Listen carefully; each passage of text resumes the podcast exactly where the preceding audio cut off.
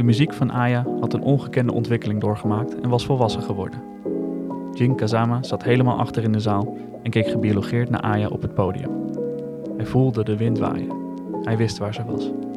Een frisse, groene weide, met stralende licht. Je kunt nog veel hoger stijgen, weet je? Jin sloot zijn ogen en vloog met Aya door de lucht. Ja, hoe begin je een podcast zonder dat je weet over wie je het hebt?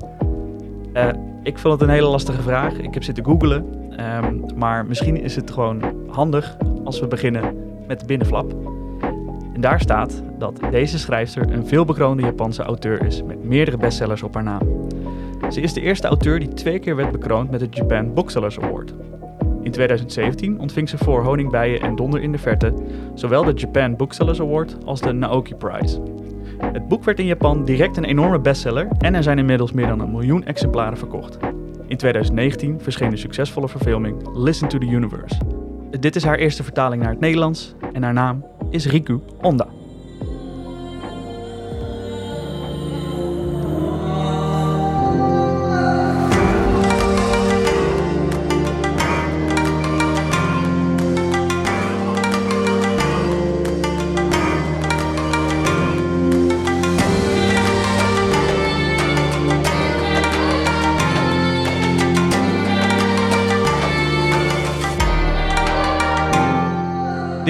Aflevering 7. Honingbijen en donder in de verte. Konnichiwa allemaal. Na een uh, best wel lange, beetje gekke zomer, veel regenbuien hier in Nederland, zijn we er weer met een nieuwe, met een nieuwe podcast. En met we bedoel ik natuurlijk uh, mijzelf, Rens Blijenberg, historicus. Um, en tegenover mij zit uh, de altijd vrolijke Laurens van der Broek. Hallo. De grootste amateurliefhebber van Japanse literatuur heb je zelf in het draaiboek gezet. ja, sorry. Uh, moest er toch even, ja, moet er toch even iets van maken. Hè? Ik bedoel, hè? Ik, wie ben ik verder namelijk?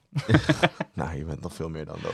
Oh, okay. Schrijver, podcastmaker, uh, marketeer, grafisch ontwerper. Nou, kan nog even doorgaan. Maar dus ook de grootste liefhebber uh, nou, van Japanse literatuur. ja. En uh, jullie luisteren weer naar... Aapnoot Mishima de Nederlandse talige podcast over Japanse literatuur, zorgvuldig geplaatst in de juiste historische context. En zoals je misschien horen, en misschien klinkt het een beetje weer wat anders. Vorige keer zaten we natuurlijk in een live café, wat helemaal anders zit. En de keer daarvoor hebben we op allerlei verschillende plekken opgenomen, vaak in de bibliotheek van Deventer. Maar vandaag nemen we op een warme zolderkamer op. Ja, we zijn een soort uh, reizende nomaden. Ja, een soort podcast uh, nomaden, ja. uh, dus misschien heeft dat wat effect op het, op het geluid, of vooral denk ik op de, op de warmte van de ruimte. Maar volgens mij zit dat hier helemaal goed. Het is hier hartstikke warm. Dus ja, dat, is, dat is, het probleem niet. dat is uh, zeker goed. Um, ja, dus uh, ja, we gaan, jij zei net al, we gaan eigenlijk een uh, beetje een muzikaal ja, bespreken. Ja, dus heel je, anders Als je dan, een beetje geluisterd hebt naar, de, naar, de, naar het citaat van Laurens, dan, ja, dan, dan zul je wel merken, of heb je gemerkt dat het een muzikaal boek is. Heel anders dan voorgaande boeken. Dus ik heb echt enorm veel geleerd van dit boek. Nou, fijn. Ik ben, dat gaan we het straks over hebben. Maar voordat ja. we daar naartoe gaan, uh, of verder gaan over dit boek, Honingbijen en Donder in de Vette, um, beginnen we eerst met een aantal literaire nieuwtjes. In ja, het land het, van de reizende zon. Maar jij zei al... Het zijn er niet zoveel dit keer. Ja, maakt niet uit, toch? Um, uh, eigenlijk maar twee, maar ja. um, wel twee die we graag willen noemen. Uh, want we beginnen met Park Life, de roman van Japanse schrijver Shuichi Yoshida. Uh, dat boek uh, is vertaald, um, um, is bijna uit. Op 26 oktober verschijnt hij. En is uit het Japans vertaald door uh, Luc van Houten. Um, wij kregen een heel tof een persbericht van uitgeverij Zerimiri Press. Mm -hmm. Ooit van gehoord? Nee, natuurlijk niet. Nee. nou, ik wel. Zij hebben eerder al een boek uitgegeven van, hoe moet ik het goed zeggen, Tomoka Shibasaki, als ik het goed heb. de roman heet De Lentetuin. Uh, een dunnetje, maar wel echt een, echt een, een, leuke roman. Daar kunnen we ook nog eens een keer een, een aflevering over gaan maken. Okay. Um, maar ja, dus uh, eerst komt uh, deze roman Parklife van Shuichi Yoshida uit. Ik, ik had eerlijk gezegd nog nooit van die schrijver gehoord. jij? Nee. Nee, dus nee, dit, dit, nou, het is voor ons allebei een, een, een mooie verrassing. Um, en ik zie hier dat Shuichi Yoshida voor deze roman dus de Akutagawa Prize heeft gewonnen. Uh, wat uh, ja, toch wel wordt gezien als de meest prestigieuze literaire prijs van Japan. Eh, volgens mij zeggen dat bijna elke aflevering. Goed, het, het is gewoon even wat het is. Allemaal hele getalenteerde mensen eh, die eh, vertaald worden. Eh, en ehm, ja, dus, dus deze, deze ehm Shuichi Yoshida, we, gaan, we gaan meer van hem horen. En dan was er nog een andere. ehm, en ook een roman die vanuit het Japans vertaald is naar het Nederlands. Dan moet ik ook even kijken wie dat is. Deze roman komt trouwens uit bij uitgeverij Cossé, als ik het goed zeg. En eh, is ook weer vertaald door Luc van Houten. Ah, dat is Dus, bijzonder. eh, Grappig. Het is een zeer eh, bezig bijtje, die, Ja. die Luc van Houten. Ehm, en dit is een boek wat, wat al echt bekend staat als een moderne klassieker. Is geschreven door Osamu Dazai. En het gaat heten Als mens mislukt. Eh, en als je het goed hebt onthouden, heb ik jou dat boek cadeau gegeven. Staat bij mij in de kast. Yes, en bij mij dus de Engelse ook. versie. De Engelse versie, Ja. inderdaad, bij mij ook. Ehm, maar deze eh, roman, eh, deze vertaling komt uit op eh, 9 november, staat hier. Eh, en ja, dit boek is, is ehm, eh, ja, uniek in zijn soort, zeg maar. Veel zwartgalliger krijgen ze niet. Mhm. Ehm, Osamu Dazai zelf, daar kun je ook een boek over schrijven, want het was een fascinerend figuur. Maar eh, ja, hij heeft heel veel eh, ehm, eh, moeilijkheden in zijn leven gehad. eh, en uiteindelijk is hij op jonge leeftijd er letterlijk uitgestapt. Ehm, maar daar gaan we, denk ik, in, in een latere aflevering meer over vertellen. nou, stay tuned, zou ik zeggen. Stay tuned. Nou, top. Dus dat waren denk ik de nieuwtjes. Je zei, ik heb twee nieuwtjes. Dus Dat waren ze. Ik heb En, goed, ehm, als ik het meegeteld heb, dan ben je nu bij, eh, heel bij goed. Ja, Nou, top. Dan kunnen we eigenlijk weer verder naar het, eh, naar het boek van vandaag. En we hebben hem allebei hier ons, eh, voor, voor ons liggen. We kregen deze op de post opgestuurd. zo. Er zat, Toch? een, er zat een deuk in mijn, in mijn vloer toen hij door de bus heen kwam. Ja, het is een soort bijbel. Het is Het echt is een een... soort kinderbijbel, door die kleuren. Ja, ook Ja. inderdaad. Ja, hij is heel vrolijk gekleurd. Ja. Ik zie het gifgroen, knalblauw, lichtblauw, roze, eh, zwart. Je ziet echt eh, van alles en nog wat. Eh, Ja. en, en de cover, eh, zeg maar de rug, wordt aan de zijkanten versierd door allemaal vlakke, witte en zwarte vlakken. En eh, nou ja, als je een beetje goed hebt geluisterd, dan weet je al waar dat voor staat. Dat zijn eh pianotoetsen. Klopt. En ehm, ja, ik vind de vormgeving eh, heel mooi gedaan. ik ook, Ehm, heel mooi. heel eventjes opzoeken wie dit heeft gedaan. Het is trouwens uitgekomen bij eh, uitgeverij Het Spectrum. Eh, en ehm, gaan we even kijken. De omsla- het omslagontwerp is van bij Barbara. Ehm, en de opmaak is van L Graphic. Dus petje af, mooi gedaan. Eh, ik vind hem wel een tikje aan de grote kant. Zeg maar. eh, Ja, dat zei je al. Ja, ik heb Voor het lezen in bed en zo. Ik, vind heb- het juist wel fijn. Maar ja, ik heb kleine handen en zeker als ik in bed lees, dan wil ik niet dat het boek uit mijn uit mijn handen glijdt. En, Ja. want het is zeker, dit is echt wel een flink formaat. Ehm, maar het, het eh, is wel een heel mooi vormgegeven met, eh, met flappen. Eh, dus het is, ja, petje af, goed gedaan. Ja, ik had echt meteen zin om, door het uitzag om het boek te gaan lezen. Het enige was, ik kan dus gewoon heet die titel niet onthouden. Honingbijen en donder in de verte. Ja, Ja, dat is toch grappig. Op de een of Ja. andere manier blijft het gewoon niet hangen bij mij of zo. je hebt, ja, in het Engels heet het Honeybees and Distant Thunder. Dat is Ja. misschien al iets korter, iets beter, makkelijker te onthouden. Eh, ik ga me niet eens wagen aan eh, de Japanse titel.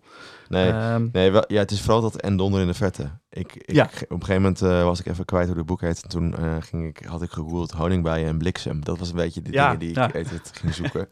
Toen ga oh nee, hij heette heel anders. Toen kon ik gelukkig op Goodreads vinden hoe die nou ook weer echt heette. Ja, ehm, en ehm, ik, heb, ik heb een vraagje voor jou.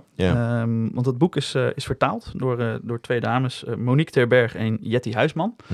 Ehm, wat, eh, wat, vind jij van, wat vind jij van de vertaling eigenlijk? Ehm, misschien moeten we daar, wacht even, misschien moeten we daar later op ingaan. Maar Ja. eigenlijk wat ik wilde vragen is, het boek is niet direct uit het Japans vertaald. Stoorde jou dat, of niet?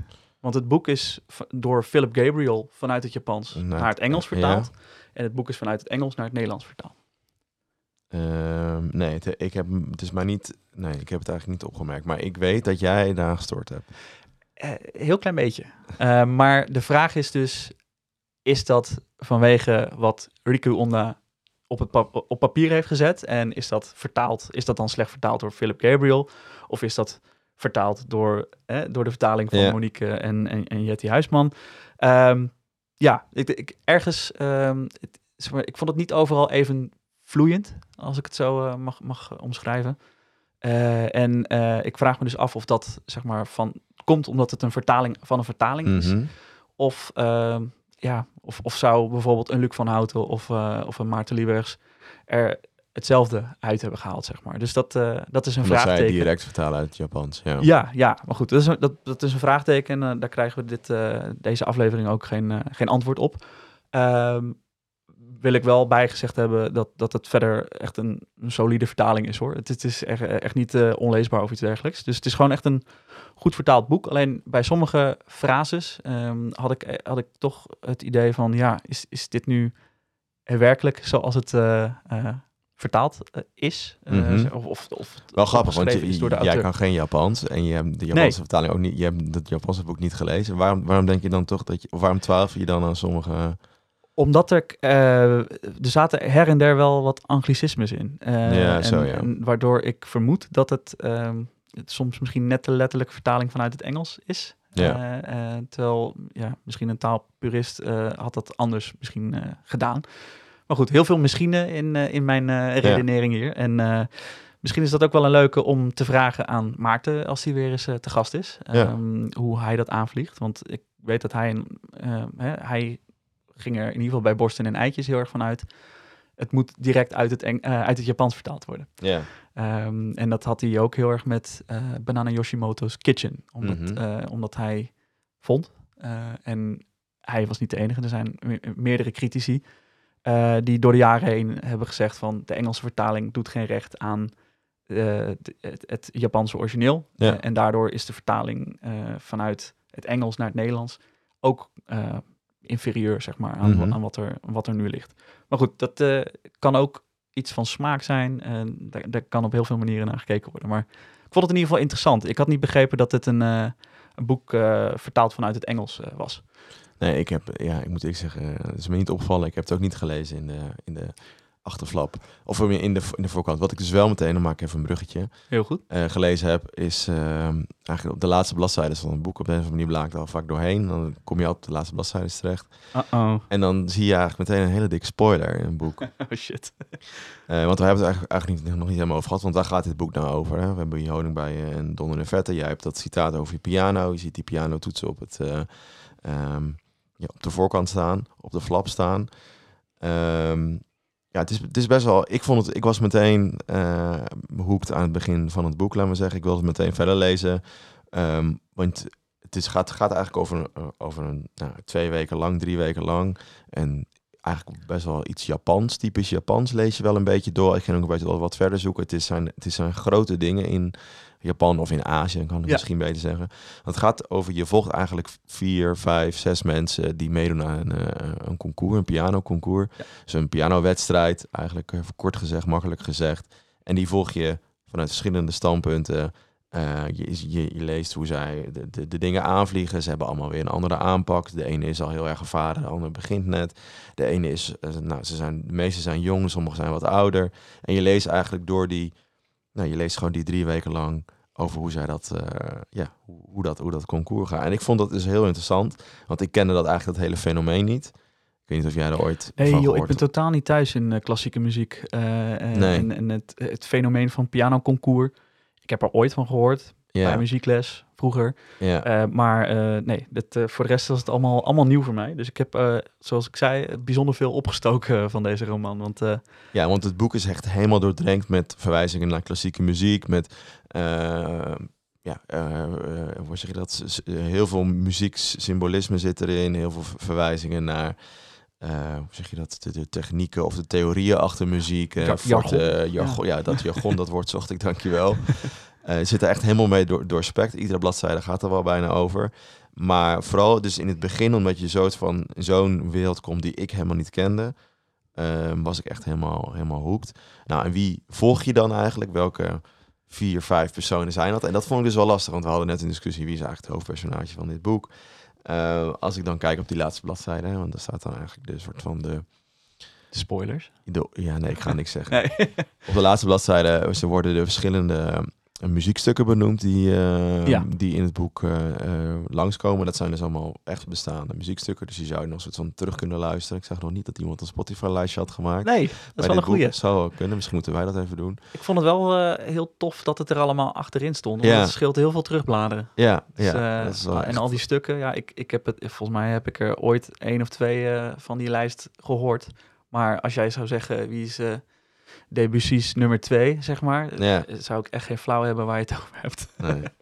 ja, ik vond het wel leuk. Ik was vooral geïnteresseerd door die eh, Bela Bartok. Ken ik helemaal niet. Een soort Tsjechische Nooit van gehoord. die Nee. heel erg een soort van eh, lokale muziek combineerde met klassieke muziek. Maar goed, daar later meer over. En dan misschien een andere podcast. Ja. Ehm, maar je leest inderdaad dan bijvoorbeeld de, de, de, de personen eigenlijk die je eigenlijk volgt. Zijn eh, ehm, Jennifer Chan, misschien niet iets minder. eh Akashi Takashima. Ik hoop dat ik het goed uitspreek. Ik zal, vind het allemaal heel even lastig. bij pakken. Ja, eh Jin eh, Kazama en Aya en Mazaru.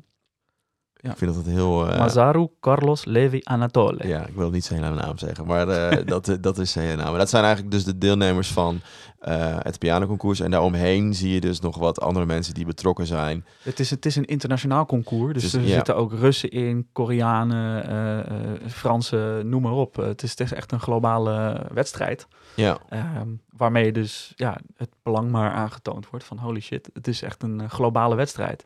Ehm, dus ja, ik, eh, ik, ik moest wel even wennen aan eh, hoe breed het spelersveld was, zeg maar, in die eerste 1, 2 rondes. En op een Mhm. gegeven moment ja, gaan er mensen afvallen. Ik denk dat dat niet echt een spoiler is in een, een wedstrijd, in een Ja. concours. Ehm, en daarna werd het makkelijker te volgen. Maar in het begin ja, eh, worden, worden heel veel deelnemers uitgelicht, zeg maar, met, met wat zij dan doen tijdens hun optredens en zo. Ja. Ehm, dus dat was wel even, even wennen van, oké, wie is wie? eh, wie heeft contact met wie? Wie eh, logeert waar? Noem allemaal maar op. Dus, ehm, dus ja, dat was even wennen, maar eh, Ja. ja, en je volgt dus niet alleen maar de, de, de, de deelnemers echt op de voet, laten we zeggen. Je, zit, je bent heel dichtbij. Het wordt heel gedetailleerd beschreven per deelnemer hoe hij of zij zich voelt, hoe ze zich voorbereidt, waar hij of zij slaapt. Waar, ja, eigenlijk precies dat. Maar ook dus een soort van dus de mensen omheen. Dus bijvoorbeeld de pianostemmers krijgen, hebben ook nog wel een redelijke rol. Ehm, nou, op een gegeven moment wordt in de finale wordt er, komt er een orkest bij, krijgt die dirigent ook nog wel een rol. Eh, sommige deelnemers worden gevolgd voor een soort van documentaire, die hebben ook nog een rol. ja, Eh, thuisfront wordt soms nog benaderd via telefoon, die hebben ook nog weer een rol. Eh, de, de, de, de bezoekers, de kijkers, die, die in het publiek zitten, nou, volle zalen elke keer. Ik moet er niet aan denken om een soort van tien uur achter elkaar in een zaal te zitten en alleen maar, vooral in die eerste ronde, elke keer hetzelfde stuk te horen. ja, en de juryleden. En de juryleden, dat was het laatste inderdaad. Ja. En daar begint het boek ook meteen mee. En dat greep mij dus wel. Dat vond ik echt een heel sterk begin. Dat ze meteen beginnen met die juryleden die een soort van onderling ook nog een relatie uit te vechten hebben met elkaar. Ja. Ehm, en meteen het hebben over een soort van hele bijzondere, geheimzinnige deelnemer. Ik zal zo niet verklappen wie dat is, maar dat komt later. eh, dat lees je dan ook door het boek heen, wie die geheimzinnige deelnemer is. Die door een soort van, ja, eigenlijk een soort nou, niet bestaande eh, ja, een held in de klassieke wereld. Een dirigent, een componist, een, een pianist die eh, inmiddels overleden is. Maar die nog na zijn dood een soort bom wilde laten droppen. En dus een, eh, ja, een van zijn leerlingen was een pupillen stuurt naar dit uh, pianoconcours. De enige echte leerling die hij ooit heeft gehad. De enige want- echte leerling, ja, dit is zo'n mythische proporties heeft dat verhaal gekregen. En daar, dat lees je eigenlijk in die eerste bladzijden. En dan zit je meteen, ik werd er helemaal in gezogen. Maar hoe, hoe was dat voor jou? Ja, ik, ik, ehm, ik had denk ik iets meer een aanloopje nodig. Ook omdat ik vooral niet thuis ben in, eh, in de, de wereld van klassieke muziek en dergelijke. Dus het eh, jargon hier en daar moest ik eventjes doorheen.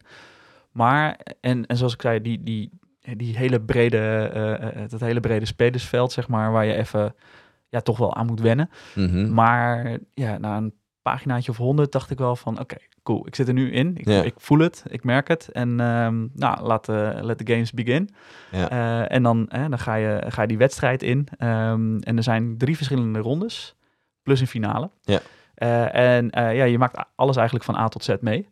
Ehm, en ik vond, eh, ik vond het eh, soms een beetje lastig te volgen in wiens hoofd we zaten. Want de, de, de, zeg maar, één hoofdstuk heeft een heleboel verschillende alinea's. Sommige daarvan worden gescheiden door witregels. En in elke alinea gescheiden door een witregel eh, zit je weer in het, in het hoofd van iemand anders. Ja. Eh, en dat vond ik soms, eh, zeker in het begin, een beetje lastig te volgen. Maar op een gegeven moment krijg je er erg in en, en snap je ehm, welk jargon bij welk personage hoort. En dan wordt het gemakkelijker. Ja. Ja, interessant. Leuk. Ja, ik volgens mij, ik heb het, ik voel, het voelt voor mij dat we nu tijd is om, eh, om, de, om de, eigenlijk dat boek wat verder eh, in te duiken en vooral ook vooral onze mening eh, te geven. Maar, zoals je, als je ons vaker naar ons luistert, weet je dat we dat moment altijd even onderbreken. voor even iets luchtigs. Nou, we hebben gelukkig dit keer, we hebben al wat, wat boeken besproken die vaak ehm, wat luguberer waren of wat heftiger. Dit boek is eigenlijk best. Vrolijk. Best ja, vrolijk. Ja, en zeker. Een soort van gezellig bijna. Ook wel eens, je zit ook wel, krijgt ook wel een soort van adrenaline mee van die deelnemers. Want het is en blijft een wedstrijd, maar er gaat niemand in dood. Dus dat is, eh, Nee. dat is fijn. Spoiler. Maar daar later meer over. Ja, spoiler. Eh, ik denk dat het tijd is voor het Japanse feitje. En volgens de administratie ben jij aan de beurt. Dus ik zou zeggen, eh Laurens, verras me.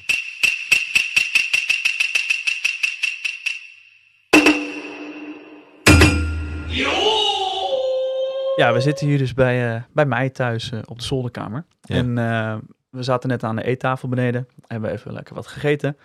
En ehm, ik had jou vanmiddag, vanmiddag had ik jou ook al gesproken, want ik kwam de apparatuur even ophalen. En toen ehm, eh, zei jij, ja, we hebben een super drukke dag achter de rug, een su- super drukke week eigenlijk. Omdat er allemaal mensen extra lid zijn geworden van de bibliotheek in Deventer. Wil je, wil je daar iets over zeggen? Deze week eh, begonnen we met onze campagne, want iedereen mag eh, tot 27 gratis lid worden van de Bibliotheek Deventer. Ook iedereen, hè? dus binnenland, buitenland. Maakt uit als je maar onder de 27 bent. En dat hebben we mede door de gemeente kunnen realiseren. En deze week hebben we daar heel veel campagne voor gevoerd. En zijn we tijdens de introductieweek eh, zelfs kroegen in geweest om eh, mensen te proppen om lid te worden. Dus dat was heel leuk, maar ook wel vermoeiend. Ja. Ja, vermoeiend, want die studenten wisten soms... eh, Nee, niet meer wat hun adres was, zo dronken waren ze. Maar toch zijn ze lid geworden. Kijk, dat is Ja, toch knap dat je dat voor elkaar Ja, hebt gekregen.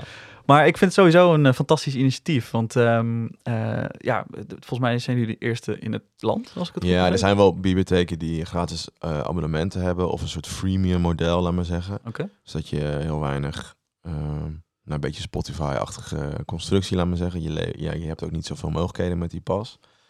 Eh, maar wij zijn wel ja, een van de eerste die ehm, eh, oh ja, gewoon eigenlijk een normaal bibliotheekabonnement aanbieden op die manier. Ja, super tof. Dus dat is wel leuk. En, het zijn, ja, en er, volgen steeds meer bibliotheken hoor, want je ziet gewoon, Ja. dat is heel belangrijk. Dus ik wil zeggen, fijn. goed voorbeeld doet volgen. Ja, Eh, Laten we dit gewoon eh, landelijk uitrollen. ja. Eh, maar waar ik hier- hiermee heen wil... ja Want, ben ik ehm, wel benieuwd naar. Eh, ik, zag, eh, ik zag in de Volkskrant namelijk dat er, eh, ehm, eh, er is een eh, heel groot onderzoek aangekondigd naar, eh, dat weet jij misschien als bibliothecaris ook wel, eh, aangekondigd eh, voor eh, onderzoek naar leesbaarheid, of eh, nee, dan moet ik het leesvaardigheid. Kijk, ik heb zelf ook nog wel een lesje nodig. Ja. De leesvaardigheid van, van Nederlandse jongeren. Eh, en dat onderzoek is eh, vrij groot aangekondigd. Dat gaat, als ik het goed eh, lees, acht jaar duren. Acht jaar. Mhm. Eh, en het begint in januari 2024. Ehm, en eh, ik dacht bij mezelf toen ik dat las van... Holy fuck, wa- waarom moet hier nog zo lang onderzoek naar gedaan worden? Het is toch algemeen bekend dat hier in Nederland... eh, ja, niet zo goed gaat met de leesvaardigheid en het Ja. leesplezier onder jongeren. Eh, dus ik, ik, ja, ik, denk ook van... eh, het is, gaat volgens mij 5,3 miljoen subsidie in zitten. Eh, dat vind ik nogal, nogal veel. Maar ja, weet je, als, als het helpt, prima. Alleen ik denk misschien moet dat geld gewoon in campagnes worden gestoken om de leesvaardigheid zelf omhoog te krikken. In plaats van dat we er weer eerst allemaal onderzoek naar gaan doen. Volgens mij zijn er al heel veel eh, eh, onderzoeken ook. Ja, en er zijn ook wel heel veel subsidies hoor, omdat... eh, Ja, nee, maar goed. Maar ja, ik, ik, ik volg even de, de, de, de redenering van, van Wilma de Rek. ehm, die in, de, in de Volkskrant zei van... ja, ehm, hierbij geef ik de overheid geheel belangeloos het volgende advies. 1. Stop met dure onderzoeken waarvan de uitkomst al lang bekend is. Dankzij talloze eerdere duurdere onderzoeken. 2. laat scholen voor de miljoenen die je daarmee uitspaart stapels boeken inslaan. 3. Begin de lesdag met een uurtje vrijlezen in een boek naar keuze. 4. Alle mobieltjes de klas uit. Nou, daar zijn ze al goed mee bezig. En 5. Ieder kind een gratis abonnement op de Donald Duck. Of de Biep. eh, in dit Nou, in principe is iedereen in Nederland al tot 18 gratis lid, hè? Ja, dat is supergoed. Alleen ehm, eh, je- merkt gewoon eh, dat door de manier waarop boeken Mhm. op de middelbare school, zeg maar, Ja. door je strot geduwd worden. Ja, letterlijk, ja. Letterlijk, ja? Oh. Eh, maar dat dat, dat dat gewoon niet werkt. En dat dat mensen afschrikt. En eh, soms ook dus mensen eh, voor altijd eigenlijk eh, weghoudt bij boeken. En dat is gewoon doodzonde. Ehm, eh, dus, dus ja, ehm, ik, nou, in ieder geval... Maar, maar eh, dan komen we eindelijk bij het feitje. Eh, eh, ehm, eh, Japan heeft een van de hoogste eh, leesvaardigheidspercentages ter wereld. Weet je hoeveel? Nee, ik weet niet. Nee, durf ik niet te zeggen. Nou, volgens deze, dit artikel wat ik Ja. hier open heb staan, 99 procent. En, En- maar, en wat, wat valt dan onder leesvaardigheid?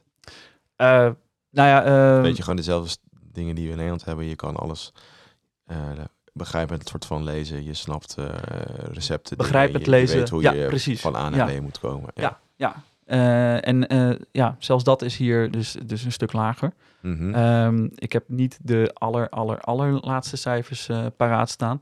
Ehm, en in sommige landen, volgens, volgens wisevoter.com, ik weet niet of je het kent, maar nee. ik, ik wou zeggen volgens Google. Dat is niet echt een heel betrouwbaar iets. Maar Nee. Volgens wisevoter.com staat het eh, ehm, eh, gemiddeld wereldwijd zeg maar, op 86,9 procent. Eh, en ehm, is, volgens dit lijstje staat Japan eh, vrij laag eigenlijk. Dat valt me dan wel weer op, op de 43ste plek. Mhm. Eh, omdat er ook veel landen zijn die het zelfs op 99,9 procent hebben. Of zelfs 100 procent. Zoals? Alleen, ja, Andorra. ja, dat, tuurlijk, Andorra. Finland, daar kan ik me wat bij voorstellen. Liechtenstein, ik, heb, ik ben er nooit geweest, maar het zou kunnen. Luxemburg, Eh, Noord-Korea. Ja, tuurlijk. Ik weet niet of die cijfers betrouwbaar zijn, Ja. maar Noord-Korea, eh Oezbekistan en Noorwegen.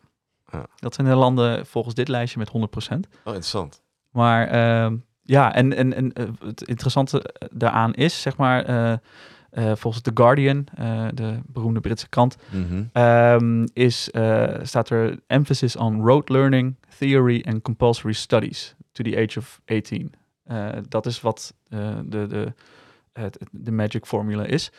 Maar eh, critici zeggen wel dat het ehm, ehm, kritisch denken juist negatief beïnvloedt. En dat zou onder andere een reden kunnen zijn waarom, waar, waarom het collectief, zeg maar, altijd voorgaat op het individu in, in Japan. Dat heeft natuurlijk ook allerlei andere culturele oorzaken. Ja. Maar dit helpt er niet bij, laat het zo zeggen. Dus ja, ik, vond- ik vond het zelf wel, eh, wel een interessant eh, feitje. En Ja. ja. gewoon door, door deze campagne, Dare to be Orange eh, heet het geloof ik. ja. En dat orange is vanwege de kleur van de Van biep. ja, Ja, stijl, ja. ja. Interessante slogan. Ik ben benieuwd wie die heeft bedacht. Maar, ehm, eh, maar in ieder geval, ik, vind het, eh, ik vond het gewoon een supergoeie ehm aanleiding om het eh, hier even kort over te hebben. Ja, leuk. Ehm, ja, en ik ben verder... Ja, en ik ben toch ook wel benieuwd naar dat, toch, naar dat achtjarige onderzoek hoor. Want ik kan me ook wel voorstellen, ehm, misschien lezen we minder, iedereen, we lezen minder boeken, dat is duidelijk. Ja. Ehm, maar lezen we nou echt minder, laat maar zeggen. Want we lezen natuurlijk continu op onze telefoon en dat soort Ja. dingen. En wat is dan de invloed, de impact daarvan? Al is het natuurlijk wel, dat is natuurlijk een soort andere taal in je... eh, dat, dat zijn geen verhalen of dat, niet hele verhalen waar je jezelf in kan verliezen. Je leert niet per se andere werelden kennen Nee. en dat soort dingen. Nee. Dat je niet in een, in een personage verplaatsen of in een andermans gedachten verplaatsen. Ja, misschien ook wel een beetje met social media, maar ehm, je, je, je krijgt wel een soort van hele dag teksten op je afgevuurd. ja, van allerlei kanten. Ja, Ja, en wat doet dat dan? Ja, wat, wat doet dat met je leesvaardigheid? dus daar ben ik dan toch wel, wel benieuwd naar, Ja, ben, ik, Eh, ben ik ook benieuwd naar. hoe dat zit. Eh, maar verder helemaal mee eens. Ja, nou ja, ik, ik, ik bedoel, eh, ik, ik werk zelf in de wetenschap ook, dus ik, ik ben helemaal voor een wetenschappelijk onderzoek. Prima. Eh, maar acht jaar is wel eh knijter lang, denk ik. Ja, maar het is ook wel een soort van de tijd waar mensen bijvoorbeeld midden op de basisschool zitten en dan middelbare school. Wat, wat gebeurt er dan in die Hmm. periode? Want eigenlijk, volgens mij, ja, ik, ik, goed, het is niet het onderwerp waar ik mee bezig ben ehm, voor mijn werkzaamheden bij de BIEB, maar wat ik hoor en begrijp van collega's, is het grootste probleem eigenlijk bij MBO-leerlingen. Mm. Die 16 worden en eigenlijk eh, VMBO weinig tot niet lezen op school. En dan Ja.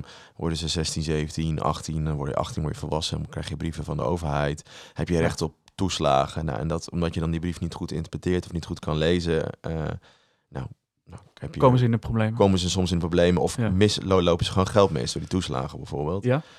En de, daar is volgens mij heel, heel veel winst al eh, Te behalen. te behalen, ja. Dus dat zou ook wel interessant zijn om die ontwikkeling mee, mee te nemen. En dan, dat doen jullie ook in de, in de bibliotheek, toch? Eh, ja, we, er- zijn contacten met het mbo. We hebben heel veel mbo-leerlingen ook ingeschreven. En eh, we zitten nu ook op de- juist op de middelbare school, dus met collega's die daar echt aanwezig zijn Ja, om eh, het boek, het woord te verspreiden, laten we zeggen. En dan niet het christelijke woord, maar gewoon het, Evangelisch. het, het evangelie van het boeken lezen. Want dat gebeurt al heel lang door bibliotheken op basisscholen, maar juist die middelbare school wordt vaak gemist. Ja, en dat is juist een hele belangrijke periode. En jij zegt al, iedereen heeft daar een soort van verkeerde associatie met boeken. Ja, Hè, met die literatuurlijst. ehm, die je van boeken die je moet lezen. En iedereen gaat alleen maar het Gouden Ei lezen van Tim Corbijn. Omdat het maar 80 pagina's is en dat soort precies. dingen. Ja. Eh, ja, dat werkt volgens mij gewoon niet. Dus dat moet denk ik herzien worden. Ja, Ik Dus heb, ik ben heel het benieuwd. Gouden Dus Ei daar- trouwens nooit gelezen. maar Maar, ja, is wel op zich wel een leuk Nee, maar ik, ik, ik, ja, die, eh, die, die verhalen hoor ik dus heel veel. Ik, ik ken namelijk ook iemand die eh, ja, leraar Nederlands is eh, op de middelbare school. En dan eh, vooral eh, MAVO-HAVO doet. En ja, hij echt, het is een beetje vechten tegen de bierkaai, maar hij probeert er echt, echt wat, nog wat leuks van te maken, zeg maar. En door, door ook een soort van wedstrijden uit te schrijven. Ehm, en eh, echt eh, leesgroepjes eh, Ja. van te maken. Door zelf ook gewoon heel veel eigen boeken gewoon in zijn klaslokaal neer te zetten. Pak alsjeblieft. Weet je, ja, als ze verdwijnen, jammer dan. Maar Mhm. het liefst breng ze even terug als je hem uit hebt. En, en op die manier ja, probeert hij speels, op speelse wijze hun leesvaardigheid te kietelen, te ontwikkelen. Ehm, maar ja, het, ik, ik bedoel, ik, eh, ik herken het nog wel een beetje van, van, van mij vroeger, zeg maar. Er zaten een aantal boeken bij waarvan ik echt dacht, "Ugh, ik wil dit niet lezen, maar het moet, verplicht. Ja. En andere vond ik wel weer heel leuk. Ehm, dus, maar goed, die, die werden dan soms ook afgewezen, want ja, dat is geen literatuur. Dus er zitten soms ehm, ehm, ja, een beetje ontmoedigende maatregelen bij. En eh, ja, daar moet gewoon naar gekeken worden. En zeker op die middelbare school, want ik denk dat dat de, eh, de leeftijden zijn waar mensen echt afhaken. Ja. Ehm, dus ja, en wat ik ook nog, nog als laatste opmerking over dit. eh, dat is aan de ene kant positief, maar aan de andere kant misschien ook wel. Dat is niet per se goed voor de leesvaardigheid in het Nederlands. Maar dat er, ja, BookTok is echt enorm populair. En Ja. eigenlijk alle boeken die op BookTok staan, die zijn continu uitgeleend in de bibliotheek. Kijk, Eh, dus vooral ook, wel ook gelezen. bij ons. En Ja. die wordt, dat wordt echt heel veel geleend. En ook heel veel, en wat ik begrijp van eh, een vriendin van mij die in de boekhandel werkt, ook heel veel gekocht of gestolen zelfs. Eh, omdat mensen geen geld hebben. Dat mag niet, hè? En ja, goed. Maar, dus dat is toch, maar die boeken zijn vaak in het Engels. Dus dat is ook wel interessant. Wat is, Ja. daar, wat is daar de consequentie van bijvoorbeeld over acht jaar? Dus daar kan me over voorstellen dat je dat in dat onderzoek wil meenemen. Ja, ja. Ehm, en daarmee eh heb ik genoeg gezegd. het is volgens een mij lekker dit. luchtig feitje, maar niet. Over maar eh, ehm, punt. laten we lekker teruggaan naar het boek, inderdaad. Ja, volgens mij is het eh, tijd om verder eh veel dieper in het eh, boek te duiken. Dus laten we dat gaan doen. Heb je eigenlijk wel een, eh, wel zo'n instrument bespeeld? Eh, ja, maar niet eh, eh, lang of zo. Wat nee, dan? ik heb ooit een blauwe maandag eh, een, eh, een gitaar aangeraakt. Ja. En eh, dat was het wel zo ongeveer. Ja. En mijn zus die speelde vroeger eh, saxofoon. Oh, ik ook. Dus echt waar. Ja, ik heb Vertel. ne- ne- ne- negen jaar, tien jaar, nee, negen jaar saxofoonles gehad. Tien jaar, negen jaar, tien Ja, jaar. ja, dat is, dat echt lang inderdaad. Ja, tot mijn achttiende. Ik heb nog steeds een saxofoon. Ik durf hem hier niet zoveel meer aan te raken, omdat ik een eh, ja, wat oude huis woon in Utrecht. Met bu- buren boven me, onder me, naast me. Eh, Als jij goed kan spelen, is dat absoluut geen ja, bezwaar. Ja, ja. Nou, als ik ooit ga verhuizen naar een wat rustigere plek, dan eh, pak ik hem meteen weer erbij. Ik heb hem wel laatst helemaal laten, zeg je dat? Eh, een grote beurt heeft hij gehad. Ja, heel goed. dus ik kan wel, eh, hij doet het weer normaal. Dus ergens zit dat vonkje nog. Ja, zeker. zeker. Ja. Ik ben, ben benieuwd, hoe, hoe zou je jezelf raten als je, als je jezelf in een concours zou inschrijven? Ja, nee, dat is lastig met saxofoon. Dat is toch echt wel een soort van begeleidend instrument. Ja. Ehm, en de laatste paar jaar van mijn les heb ik vooral eh, s- alleen maar gesoleerd op, met cd'tjes, laat maar zeggen. Dat vond ik gewoon het leukste om te doen. Ja. Dus niet echt veel, eh, zeg je dat, oefenuren gemaakt zoals in dit boek. Mensen, nou, eigenlijk bijna 24 uur dag piano aan het spelen zijn om Ja. te blijven oefenen. Dat eh, heb ik nooit eh, gedaan, dus ik weet niet of ik... eh, Spiergeheugen, dat was bij jou nog niet helemaal... eh, Nee, op zich had ik ja, dat met die memory heb je nog wel, maar gewoon ik denk vooral die soort van. Nou, dat, wat, daar, daar gaan we meteen in het boek in. En dat vind ik denk ik ook wel leuk om dat even te doen. Wat je dus hier heel leest, elke keer is... ehm, nou, je volgt dus die deelnemers van, van het concours. En elke keer heb je een soort van... Nou, het- boek is verdeeld, wat je net vertelde, in al die rondes. En niet echt verder in hoofdstukken. Toch? Nou, ja, ja, de Ja. hoofdstukken zijn de eerste ronde, de Ja. tweede ronde en de derde ronde. Ja, en dus in al die hoofdstukken en al die ronden zitten een soort van, ehm, nou, een soort van hoogtepunten. En dat zijn dus dat de, de, de, hoofdrolspelers uit het boek Ja. ehm, hun stuk gaan spelen, laat maar zeggen. Ja, een aantal van de subhoofdstukken die hadden de titel van een stuk. Ja. Eh, en ik denk dat dat, omdat dan de letterlijke vertaling past bij de thematiek in het hoofdstuk. Ja, Eh, maar ik vond het wel een interessante, interessante manier van, eh, van aanduiden zeg maar, ja, van hoofdstuk. ja. En wat dus in die stukken gebeurde, is dan, eh, dan je, je, kroopt dan letterlijk in het hoofd van die mensen. En dat citaat las je net voor. En dan lees je, dan lees je dus ook hoe zij die muziek ervaren. En dat het dus eigenlijk helemaal een soort van routine is geworden. Want ze hebben dus tijd om over allerlei andere dingen te denken. Ja, En ja. dat heb ik nooit gehad met saxofoon spelen. Dus Nee. zo goed was ik niet. Nee, ik kan me voorstellen, maar wat, wat ik, eh, wat ik eh, wel bijzonder vond, is dat, ja, de- de- de- zeg maar, zij denken over duizend en één dingen na. Mhm. Terwijl er feitelijk in de, de, de echte tijd, zeg maar, om het even tussen haakjes te zetten, er eh, net een paar seconden voorbij is, zeg maar. Ja. Of, of, of een, nou, hooguit een paar minuten. Eh, maar dan, dan echt, dan krijg je soms eh, hele uitweidingen over hoe de muziek ooit is ontstaan, bij welke componist en de, de geschiedenis daarachter. Ja, en dat vond ik super interessant, maar ik dacht wel van, maar is dat letterlijk wat die persoon op dat moment denkt? Ik denk het niet. Nee. Ehm, dus dat, dat vond, ik- vond ik een interessant, ja, je moet toch ook eh, een beetje achtergrondinformatie geven. Maar eh, ik, ik vond, ik- dat vo- vond, ik- vond ik interessant. Soms dacht ik, ja, ik, dit, is, dit geloof ik helemaal. Dat, dat het een bijna spirituele ervaring is. Ja. En dan wordt het echt in, in, in geuren, kleuren, weerselementen, eh, noem allemaal maar op. Het heelal komt er ook nog bij. Ja. Eh, wordt er allemaal bij gehaald. En dat, Ja. nou, dat vond, ik- vond ik heel tof en interessant. Eh, maar soms dacht ik ook van ja, oké, dit is misschien iets onnodige expositie of Ja, zo. ja. Nee, ja, misschien kunnen we het wel een beetje illustreren aan de hand van het citaat wat je geeft. En dan hebben we, we gaan niet alle deelnemers lang, want anders spoilen we misschien te veel. Maar eh, jij eh, las een stukje voor van Aya, die aan het spelen is. En je leest al vrij snel in het boek dat zij een groot talent was in de, in de pianowereld. Dus dit zou het een van de grootste talenten van de wereld zijn. Ehm, heel erg begeleid werd ze, ze werd heel erg begeleid door haar moeder. Eh, maar die overleed plotseling op haar twaalfde. En daarna speelt ze nog één grote, heeft ze nog één groot optreden als 12, 13-jarige. En Ja. loopt ze op een gegeven moment weg tijdens dat optreden. Ja. Omdat ze het niet meer aan kan. Of dat ze te emotioneel is. Of nog in, midden in de rouw zit. Dat wordt niet helemaal duidelijk hoe ze zich daarbij voelde. Eh, maar daardoor, nou, eh, het was een grote schok Mhm. in Japan. Mhm. En dat, dat is niet normaal dat je dat doet. Nee, ik denk ook niet in Nederland dat je dat doet. Maar ehm, daardoor verdween ze eigenlijk een beetje in de... Nou, nou, ze trok zichzelf eigenlijk terug. Ja, En was ze heel lang, wist niemand wat, we nou maar, wat ze nou ging doen, wat er mee omging. Maar Nee. totdat, haar Ze- carrière, een muzikale carrière, Ja. leek voorbij. leek voorbij, totdat Ja. ze opeens dus weer mee ging doen aan dit eh, concours. Ik ben even vergeten, maar het is niet helemaal duidelijk waarom ze nou per se aan, dit, eh, aan, aan deze wedstrijd mee ging doen, toch? Nee, althans, dat stond niet expliciet ergens genoemd, maar meer omdat ze het nog één keer wilde proberen. Ja, Ehm, en omdat ze het idee had dat ze toch nog niet helemaal klaar was met de muziek. ja, En dat wordt wel duidelijk op ja want ze is, nu, ze is nu volwassen. Volgens mij, ja, ik, ik, ik schat een beetje in rond de 20, 21.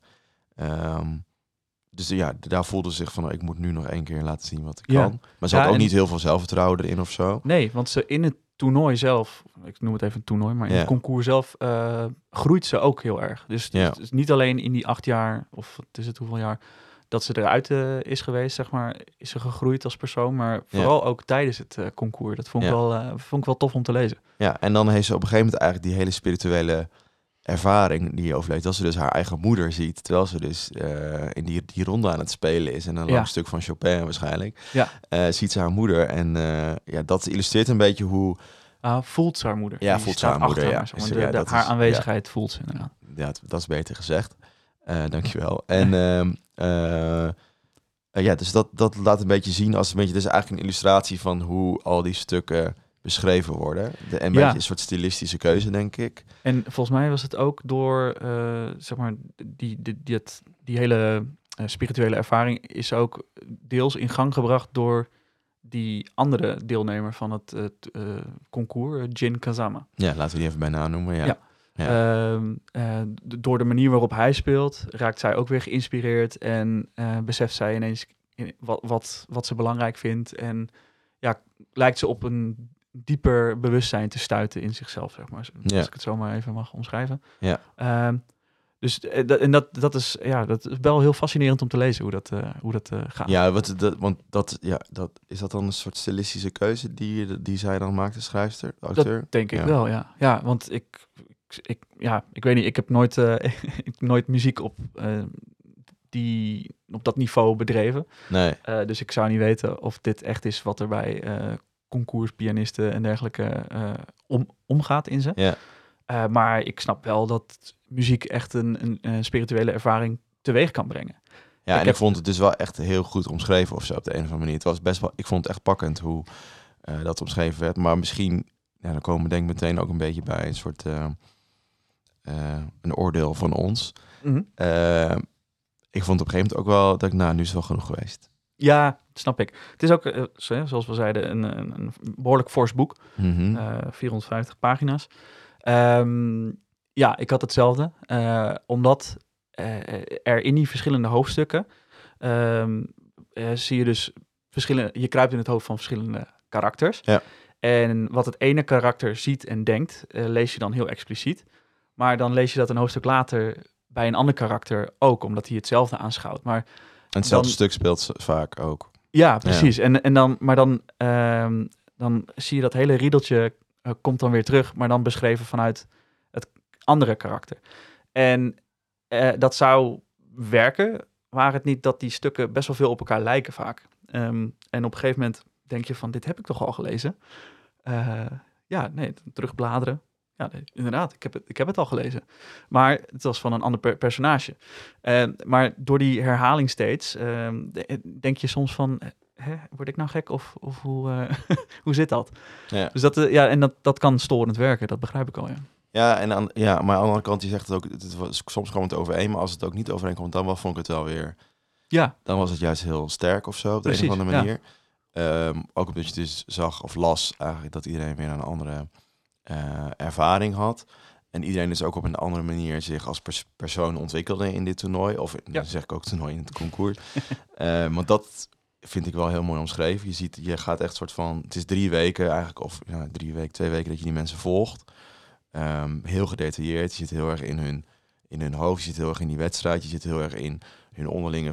Ja, je merkt heel veel van hun onderlinge verhoudingen. Ja. Hoe, in hoeverre ze nou als deelnemers tegenover elkaar staan, concurrenten zijn. Of juist elkaar bewonderen. Want dat gebeurt ook. Ze bewonderen elkaar ook. zeker, ja. ja. En dat vond ik heel, ja, dat, vind, dat vond ik ook echt wel heel sterk aan dit boek. Ja, op een gegeven moment eh, klonteren er drie, vier eh, eh, deelnemers een beetje samen. Ja. En ze uit, uiteraard gaan zij ook door. Mhm. Dus je ziet hun ontwikkeling in het toernooi, maar ook hoe hun onderlinge relaties ehm, weer effect hebben op elkaar en, en wat dat dan weer voor weerslag heeft op hun muzikale eh, performance. Ja. Dus, eh, dus dat, dat vond, ik ook zeer goed omschreven. Ja, het vond ik echt wel ehm, eh, boeiend. En daardoor blijf je ook doorlezen. Ja. Ehm, totdat je weer zo op zo'n stukje staat dat, dat je denkt, hè, maar dit heb ik net ook al gelezen. Dus het, eh, ja, eh, ene moment zit je er helemaal in, maar Ja. door dat soort stukjes word ik er juist weer een beetje uitgehaald. Ja, dus eigenlijk, volgens mij zeggen wij allebei... ehm, op een gegeven moment eh, snap je het trucje dat als diegene weer een stuk gaat spelen, laat maar zeggen, want dat wordt dan die, die voorbereiding daar naartoe, de, de, de aanloop naar het spelen van het stuk, vind ik, vond ik elke keer heel gewoon leuk om te lezen, laat ja, maar zeggen. ja, Ehm, maar zodra eh, ze alle vier weer, weer een stuk van Chopin moesten spelen en dat weer helemaal een soort van gedetailleerd werd beschreven van hoe, dat, hoe die aanloop is in het stuk de prelude tot aan dat ze forti- fortissimo gingen spelen, piano en Ja. dan weer eindigen met die glissando en weet ik veel wat allemaal. Ja, dat was op een gegeven moment dacht je, oh ja, dit heb ik nu wel, eh, ben ik wel, ja, is wel goed. Ja. En dan vond ik het, en dan nog één ding daarover, ehm, voordat we naar andere punten gaan. Ehm, dan heb je die finale. En dan is dat eigenlijk weer heel bijna niet of zo. Terwijl ik denk, Ja. dat is de grote, grote apotheose van het, van het boek en van, van die twee weken, die drie weken dat je ze volgt. Ja, en dan loopt zou, het best wel snel een soort van abrupt einde. je zou bijna denken dat het boek eigenlijk nog twee keer zo dik was, of zo. Vanwege de, vanwege de ja, hoe, hoe, hoe sumier eigenlijk die finale is in vergelijking met die eerste ronde. Ook was het gewoon ook, ook qua aantal bladzijden. Ja, Ja. maar, maar het, uit, en dat, dat klopt ook, want er zijn zitten veel meer, ja. veel meer deelnemers in die eerste ronde dan, eh, dan in de finale. Maar toch, ehm, ja, eh, had, ik, had ik het idee, eh, niet dat het afgeraffeld is, maar ehm, ja, ik vond wel jammer inderdaad dat, dat die, door die finale vloog je echt, eh daar, daar vloog je zo doorheen. Dat vond ik Ja. wel eh, zonde. Maar het einde vond ik weer erg sterk. Dus dat Ja. maakt dan ook wel weer, de, weer heel veel goed. En er wordt dus ook ont- onthuld wie de winnaar is. Ja. Was, was dat jouw gedroomde winnaar? Zonder namen te noemen? Ehm, nee. Nee, nee. ja, ik, ik had dat dus ook niet. nee. maar ik snap het ergens wel. Gezien, ja, eh, dat, je leest het wel door het hele boek eigenlijk Haar, al heen. Ja. Ja. Dat hij of zij gaat winnen. Ja, die, die ontwikkeling, eh, dat, eh, ja, dan, dan is het een duidelijke winnaar. Ehm, maar ja, je hoopt op iemand anders. Maar Ja. goed, dat, eh, dat ja, is ook weer persoonlijk. Ja, en dan ben ik nog wel benieuwd, Laurens, naar wie was jouw favoriete personage? Dat, die vraag stellen we volgens mij niet vaak aan elkaar in deze podcast, maar ik vond dat bij deze, dit boek wel toepasselijk. Nee, ja, dat- maar dat komt ook omdat het omdat dat die opzet zo is. Ja. Eh, dus je hebt eh, niet de één duidelijk hoofdpersonage, maar eh, drie of vier of vijf of zo. En in het begin nog veel meer. Ehm, ik denk dat mijn favoriete personage degene is die er niet meer was. Yuji van Hofman, de, de piano-grootmeester, zeg maar, die eh, een, een, een geheime leerling had, die nog nooit ergens aan mee had gedaan. Echt compleet uit het niets ineens op, op, die, op, eh, ja, op die, recital eh, meedoet. En iedereen ja, met zijn of haar eigen klankkleur compleet van de sokken blaast. Zeg maar. Ja. Dus dat, dat vond ik heel tof gedaan. Ehm, eh, en ik had heel graag eigenlijk meer van die piano-grootmeester willen weten. Eh, omdat, zeker ook omdat iedereen zich steeds afvraagt, ja, waarom, zou, waarom zou hij dat zo hebben gedaan? Waar, waar- waarom, wat wilde hij bereiken met deze bom? Zeg maar. Ja, Ehm, en later ehm, komen steeds meer mensen erachter van, oh wacht even, dit is zeg maar de werking van de bom.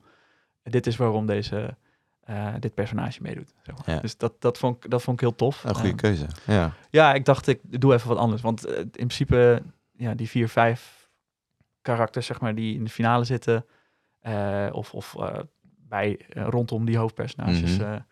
ja, dat, die zijn ook heel leuk. En andere, maar misschien, wacht, nee, laat ik eerst jouw favoriet, want straks maai ik het gras voor je voeten weg. Ga ik even kijken hoe die heet hoor, of, of, of ik zijn naam weer goed uitspreek. Ehm, dat is die ehm, eh, Akashi Takashima. Die wilde ik ook noemen. Ah, ja. Grappig. dus ik ben blij dat ik dat even niet heb gedaan. Maar vertel. Ja, die valt dus af voor die finale al, volgens mij voor de halffinale al. Spoiler. Ja, sorry. maar die, vol, die blijf je dus wel volgen tot aan die finale. En het is een man van, eh, nou, ik denk van onze leeftijd. Wordt niet volgens mij niet helemaal- 28 volgens Ja, mij. 28, ja. Nou, dat, zo oud ben ik ook. Kijk Ja, aan. grappig. Ehm, die dit niet, niet als fulltime, fulltime, die niet fulltime piano speelt, laat maar zeggen. En niet op een conservatorium zit, zoals de andere deelnemers bijvoorbeeld. Nee. Ehm, maar dit echt buiten zijn werktijden om doet. En zijn gezin. En zijn gezin, waar hij ook tijd mee in contact staat. Ja. Ehm, en het, het leuke van hem vind ik is dat hij gewoon... eh, nou, hij gaat op een gegeven moment wel door. En hij wint ook wel een prijs. Nou, dat, dat lees je aan het einde van het boek. Ja. Wat ik ook wel heel leuk vond. Ja, dat vind ik wel heel aandoenlijk. Ook. Ja, heel aandoenlijk. Maar hij was gewoon een heel aandoenlijk personage. Hij was heel bescheiden. Ja. Hij was e- echt onder de indruk van... ah, hij kon echt de andere deelnemers heel erg bewonderen.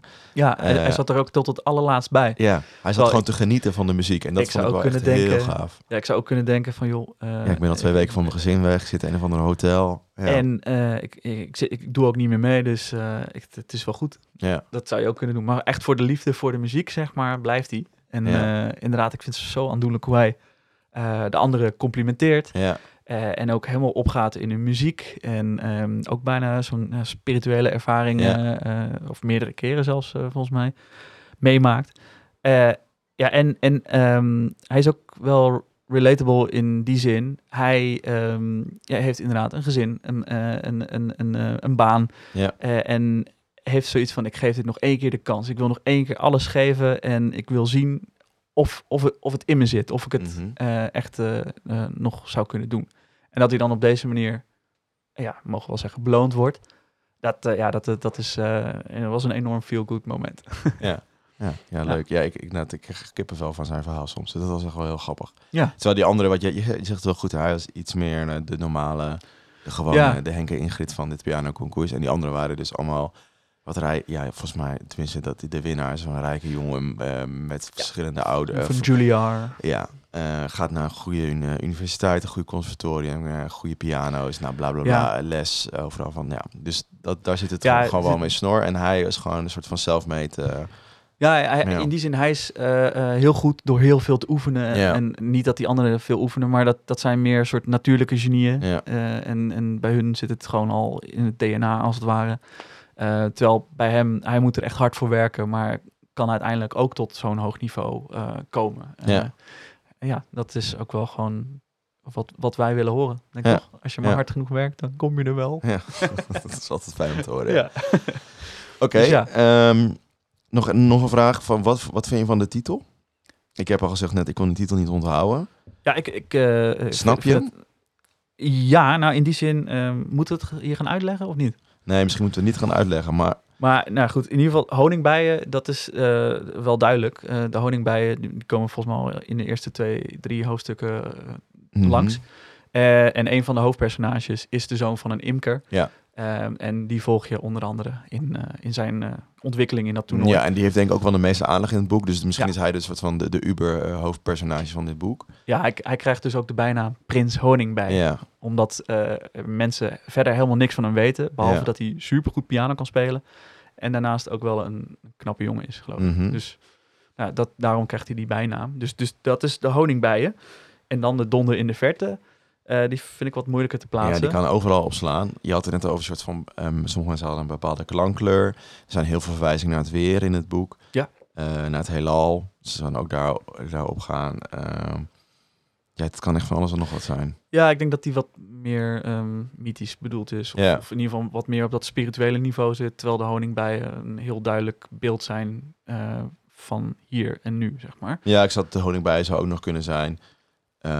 Tenminste, je ziet bijen natuurlijk altijd bij elkaar komen in een soort van kas. En deze mensen kwamen continu bij elkaar. Oh, met ja. alle bezoekers in die concertzaal. In een korf. In een korf bijenkorf, eigenlijk. Een soort van bijenkorf die waarschijnlijk ook een bepaalde akoestiek heeft. Nou ja, Ja, nee, zoiets. zeker. Dat, Want dat, dat, zou nog kunnen. Dat want- geroezemoes, dat wordt wel vaak Ja, genoemd. heel vaak genoemd, ja. Dat is het eigenlijk, ja. Precies, ja. Ja. ja. Dus eh, dat is wel interessant. Eh, want, want die prins Honingbij, die heeft een heel acuut gehoor. Ja, En eh, die, die gaat dan eh, heel anders dan andere ehm, eh, pianisten de piano stemmen. Ja. Maar hij praat echt met, ehm, ehm, zo, in plaats van dat je de stemmer zegt, ik wil het zo en zo, en dan wegloopt. Hij gaat echt met de stemmer luisteren. En hij heeft zo'n acuut gehoor dat hij hoort dat er onder het podium, dat, dat, dat de akoestiek daar niet helemaal klopt. Dus dat die hele piano eigenlijk ergens anders moet staan. En als hij dan begint te spelen, dan, eh, dan je krijgt hij geluiden uit, uit die piano. Waarvan mensen niet, niet Snappen, dachten ja. dat, eh, hoe krijg je dat in hemelsnaam uit die piano, zeg maar. ja, lijkt me echt een hele vet superpower om te hebben. Ja, ja, mij ook. en later dus ook, als hij met de orkesten moeten spelen. Ja, dat, is- dat is een hele goede scène. Dan moet, die hele, dan moet dat hele orkest eh, Anders gaan zitten, anders ja. gaan zitten. En iedereen kijkt elkaar aan van... oké, ik, oké, dan schuif ik wel naar achteren... en die gaat daarheen en die gaat de andere kant op.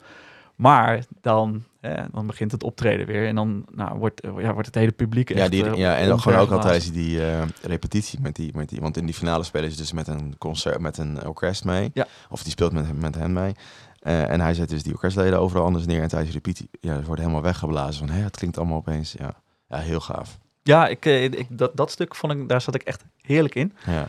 Dus dat ga ik nog eens even teruglezen. Oké, laten we naar ons eindoordeel gaan. Ja. Toch? Ja, lijkt me een hele goeie. Ehm, Ja, ik, eh, eh, ja, ik wil hem aftrappen. Ik ga denk ik wel een beetje mee met ehm, het internet. Dus het de- internet. de- de- Wat zegt het internet? de reviews hier. Het heel grappig is als je dit boek googelt in het Nederlands, krijg je dus heel veel eh classic.nl, klassieke muziek.nl, die dit boek dus, ja, muziekwebsites en natuurlijk wel de Hebban en Bruna, weet ik veel wat waar je kan kopen. Maar ook al die muziekwebsites en daar staat hij dus heel krijgt hij heel veel sterren Ja, als een soort, eh, nou, daar zijn wel soms wat recensies op en dan nou, zeker vier of vijf sterren. Eh, terwijl op andere websites zie- lees je ook wel echt andere dingen. Wat, Ja. mindere, wat, wat minder reviews. ik, ik, Ja. ik kijk dan wel eens op Goodreads en dat, Ja. is, dat wisselt ook. Dat gaat, de ene geeft hem echt vijf sterren en bij de andere zie ik een halve ster. Ja, en dat is ook een beetje wat ik dus hier dus zie. Dus bij de mensen die volgens mij heel erg houden van klassieke muziek. eh, Ehm, het is ook een goede introductie op klassieke muziek, denk ik. Je leest echt al veel ook over de componisten en over die stukken. Ja. Dat vind, vond, vond ik heel leuk. Ehm, maar het is, het is boek, het is gewoon net te dik of zo, op de een of andere manier. Je bent, op een gegeven Ja. moment is het trucje voor mij wel een beetje uitgewerkt met die stukken beschrijven en weer zo'n concourdag, laten we zeggen, Ja. volgen. Her, nee, herkenbaar. Ik, eh, voor mij had hij ook wel, denk ik, 100 pagina's eh, korter gekund. Ja. Eh, vanwege al die herhalingen. En ehm, inderdaad, je, je zegt ook, dat zeg je wel mooi, het, het trucje is een beetje uitgewerkt. Eh, Ja. Dus die, die magie, op een gegeven moment denk je van ja, ik snap het wel. En dan, ja, ik- dat, is, dat wil je niet doen, maar je begint soms een beetje door te bladeren. Van eh, even kijken, oké, dan, dan, dan begint er weer een nieuw concert. Of dan en dan, dus, dus ja, dat, ehm, ik, uiteraard heb ik dat uiteindelijk niet gedaan, maar ehm, en wel alles gelezen, maar ja, het, dat, ik voelde dat ook. En daarbij, ehm, nou goed, ik wil het niet meer over de vertaling hebben, want het is gewoon een ontzettend leesbaar, fijn boek. Ehm, dus, dus dat, eh, dat eh, laten we even terzijde. Ehm, ik vind wel inderdaad het boek iets te groot, zeg maar, fysiek te groot. Maar goed, dat, eh, ook dat is eigenlijk, Ja, doet er niet toe. Eigen voorkeur. Ja. Als ik dan kijk naar het verhaal zelf, ehm, wat ik zei, ik moest even inkomen. Daarnaast zat ik er lekker in, totdat je er af en toe weer uit wordt gehaald door die herhalingen. Ehm, zoals je hoort, doe ik nu ook heel veel herhalingen. Ja, is toch makkelijk, hè? Ja, is toch makkelijk inderdaad. Ehm, maar ehm, eh, ja, de, de, de- en af en toe inderdaad had ik het idee, zeg maar, naarmate je verder komt in het toernooi, hoe sneller je door die, door die rondes heen vliegt. Eh, en zeker in ronde drie en in de finale al helemaal, eh, vond ik dat een beetje jammer. Dus dan had ik er wat, juist wat langer in willen hangen. Maar ik snap, eh het boek, kan- ja, je kan ook een boek van duizend pagina's schrijven, maar Ehm, dus ik snap dat, ze, dat daar keuzes in zijn gemaakt. Ehm, als ik dan naar, eh, eventjes, eh, dat, dat naar sterretjes wil vertalen. Ik, ik twijfel weer. Eh, ehm, ik, ik neig naar, toch net iets meer naar drie sterren dan naar vier. Eh, ondanks dat ik er wel echt meer van heb genoten dan bijvoorbeeld de, de bundel van, eh van Murakami. Vorige Ja. keer. Ik zit, Ik- ik, zit er eigenlijk op 3,5 ster, maar Dat ja, je kan eh, sterren niet eh, doormidden hakken. Ik geef vier sterren. Kijk, mooi. Ehm, ondanks inderdaad ook wel die herhaling, maar er zitten wel echt intens goede scènes in, vind ik. Eh, Ja, nou, en de- tot ja. het einde aan toe, laten we zeggen. Ja. Die wil je niet missen. Dus je, die gaat niet, je slaat er eigenlijk geen stukken over. Omdat je denkt, nou, ik wil, wil niks missen. En eigenlijk die scènes zijn bijvoorbeeld dat ze moeten wachten op de jury die gaat bekendmaken Ja. wie er door naar de volgende ronde. En dat is zo goed beschreven dat ze in zo'n hal staan. Je voelt dat helemaal mee. Je voelt die spanning. Ja. Je krijgt eigenlijk ook een beetje eh, koud zweet en Ja. klamme handjes, omdat je denkt, oh, wie gaat er door? Ehm, plus dan ook nog die ontwikkelingen die die personages maken. Ehm, hoe, ze, hoe ze elkaar bewonderen en niet elkaar dus concurrentie vind ik ook. Ja, dat is natuurlijk heel lieflijk en een beetje bijna bijbels, maar ook wel eh, gewoon leuk om te lezen soms, toch? Ja. Zeker. Ehm, ja, en ik vond het ook, ja, ik ken wel wat klassieke muziek, ook door eh, dat ik zo lang saxofoon heb gespeeld, of saxofoonles heb gehad. Maar ik vond het ook wel gaaf om dat nog een keer op een hele andere manier te lezen en te bekijken. En eh, ik heb best wel wat eh, stukken opgezocht op Spotify om te luisteren. Ja, Dus dat vond ik ook wel gaaf. Het is ook een soort introductie tot klassieke muziek. Ja, dat is wel grappig, want ik zit Ja. vaak op YouTube, maar ik heb eigenlijk niet de aanvechting gevoeld om die stukken op te gaan zoeken. Maar dat ga ik uiteindelijk nog wel doen. Maar ik had niet tijdens het lezen dat ik dacht, oh, nou, die ga ik nu eerst even op, opzetten. Of Ja. Eh, Dus op zich een goed teken, want dan, dan zit ik dus genoeg in het verhaal om, Ja, dat is waar. dan niet... eh, en achterin zat een hele mooie opsomming met... ja, eh, en dat is heel fijn. Ja, ja. dat vond ik, vond ik een mooi stukje service naar de lezer toe. Ja. Ehm, maar ja, ik, ik, ik, ehm, ja ik, ik, ik, wat ik zeg, ik hink een beetje op twee benen. Het is heel leerzaam voor mij, want ik, ik heb totaal geen muzikale achtergrond. Eh, en inderdaad, wat je zegt, eh, soms word je echt helemaal meegesleurd in, in de spanning en in de sensatie. En eh, ehm, ehm, eh, ook de, de, de beleving van de pianisten zelf, maar ook van het publiek en de juryleden. En dat vond ik echt super tof. Ehm, en daar geef ik een ruime vier sterren voor. Maar het, het, het stukje spirituele gewaarwording en dergelijke, vond ik net iets minder geslaagd. Eh, eh, ik vond het her en der een beetje te zoetsappig. Ja. Ehm, en dat komt omdat er ook eh, zeg maar heel veelvuldig naar bestaande beelden wordt teruggegrepen. Ehm, zoals de wind waait door het gras en ik hoor regen op de daken roffelen. En dat wordt heel erg verbonden aan, oh, wat is muzikale, wat, is, wat, is, wat is, mu- muziek is het heelal en muziek omvat alles. En een beetje van die gemeenplaatsen wa- waardoor ik denk, mm, ja, oké. Ja. Ik, ik had iets meer originaliteit daarin gehoopt te, te lezen. Dus dan, dan eigenlijk weer meer naar drie, dus vandaar die drieënhalf. Maar goed. Eh, wat buiten kijf staat, is dat het een ontzettend leesbaar boek is. En, ja, en dat eh, mensen dus jou nu op Goodreads moeten gaan volgen om te kijken of je nou drie of vier sterren gaat geven, toch? Ja, eh, maar ja, maar goed, ik heb, ik heb ze nu nog niet gegeven. Nee, Dus, dat is waar. eh, Nee. eh, wat ze sowieso moeten doen, is eh, ons volgen op, eh, op Instagram. Eh, en eh, en eh, ja, ons allebei, wij zitten los van elkaar ook op, op Goodreads. Ja. Ehm, maar ehm, ja, nee, ik, ik wil trouwens ook nog eventjes een shout-out doen naar uitgeverij Spectrum, waar we een recensie-exemplaar van kregen. Ja. Ehm, ter transparantie, zeg maar. Ja, ik vind het een heel leuk boek en ik heb het met veel plezier gelezen. ja, leuk. Nou, Ja. top. Jij dan? Ja, zeker. Ik ook. Ja, Ik dat ben heel blij. En vier sterren, dus dat is altijd goed. Hartstikke idee. Mooi. Dat was hem dan weer, denk ik. Zo, dat, eh, dat, gaat, snel. We zitten over het uur al, dus... eh, Bizar, want ik heb het echt het idee dat we 45 minuten pas bezig zijn of zo. Ah, Gewoon eh, in ieder geval niet zo lang als dat, we, als dat er op het klokje staat. ja, de, de, de teller klikt, eh, klikt door. Onverbiddelijk. Ja. maar goed, volgens mij hebben we het boek redelijk goed uitgediept. En volgens mij ook wel een oproep om het echt te gaan lezen, denk ik. Zeker, ja. Voor, ja voor iedereen. Ja.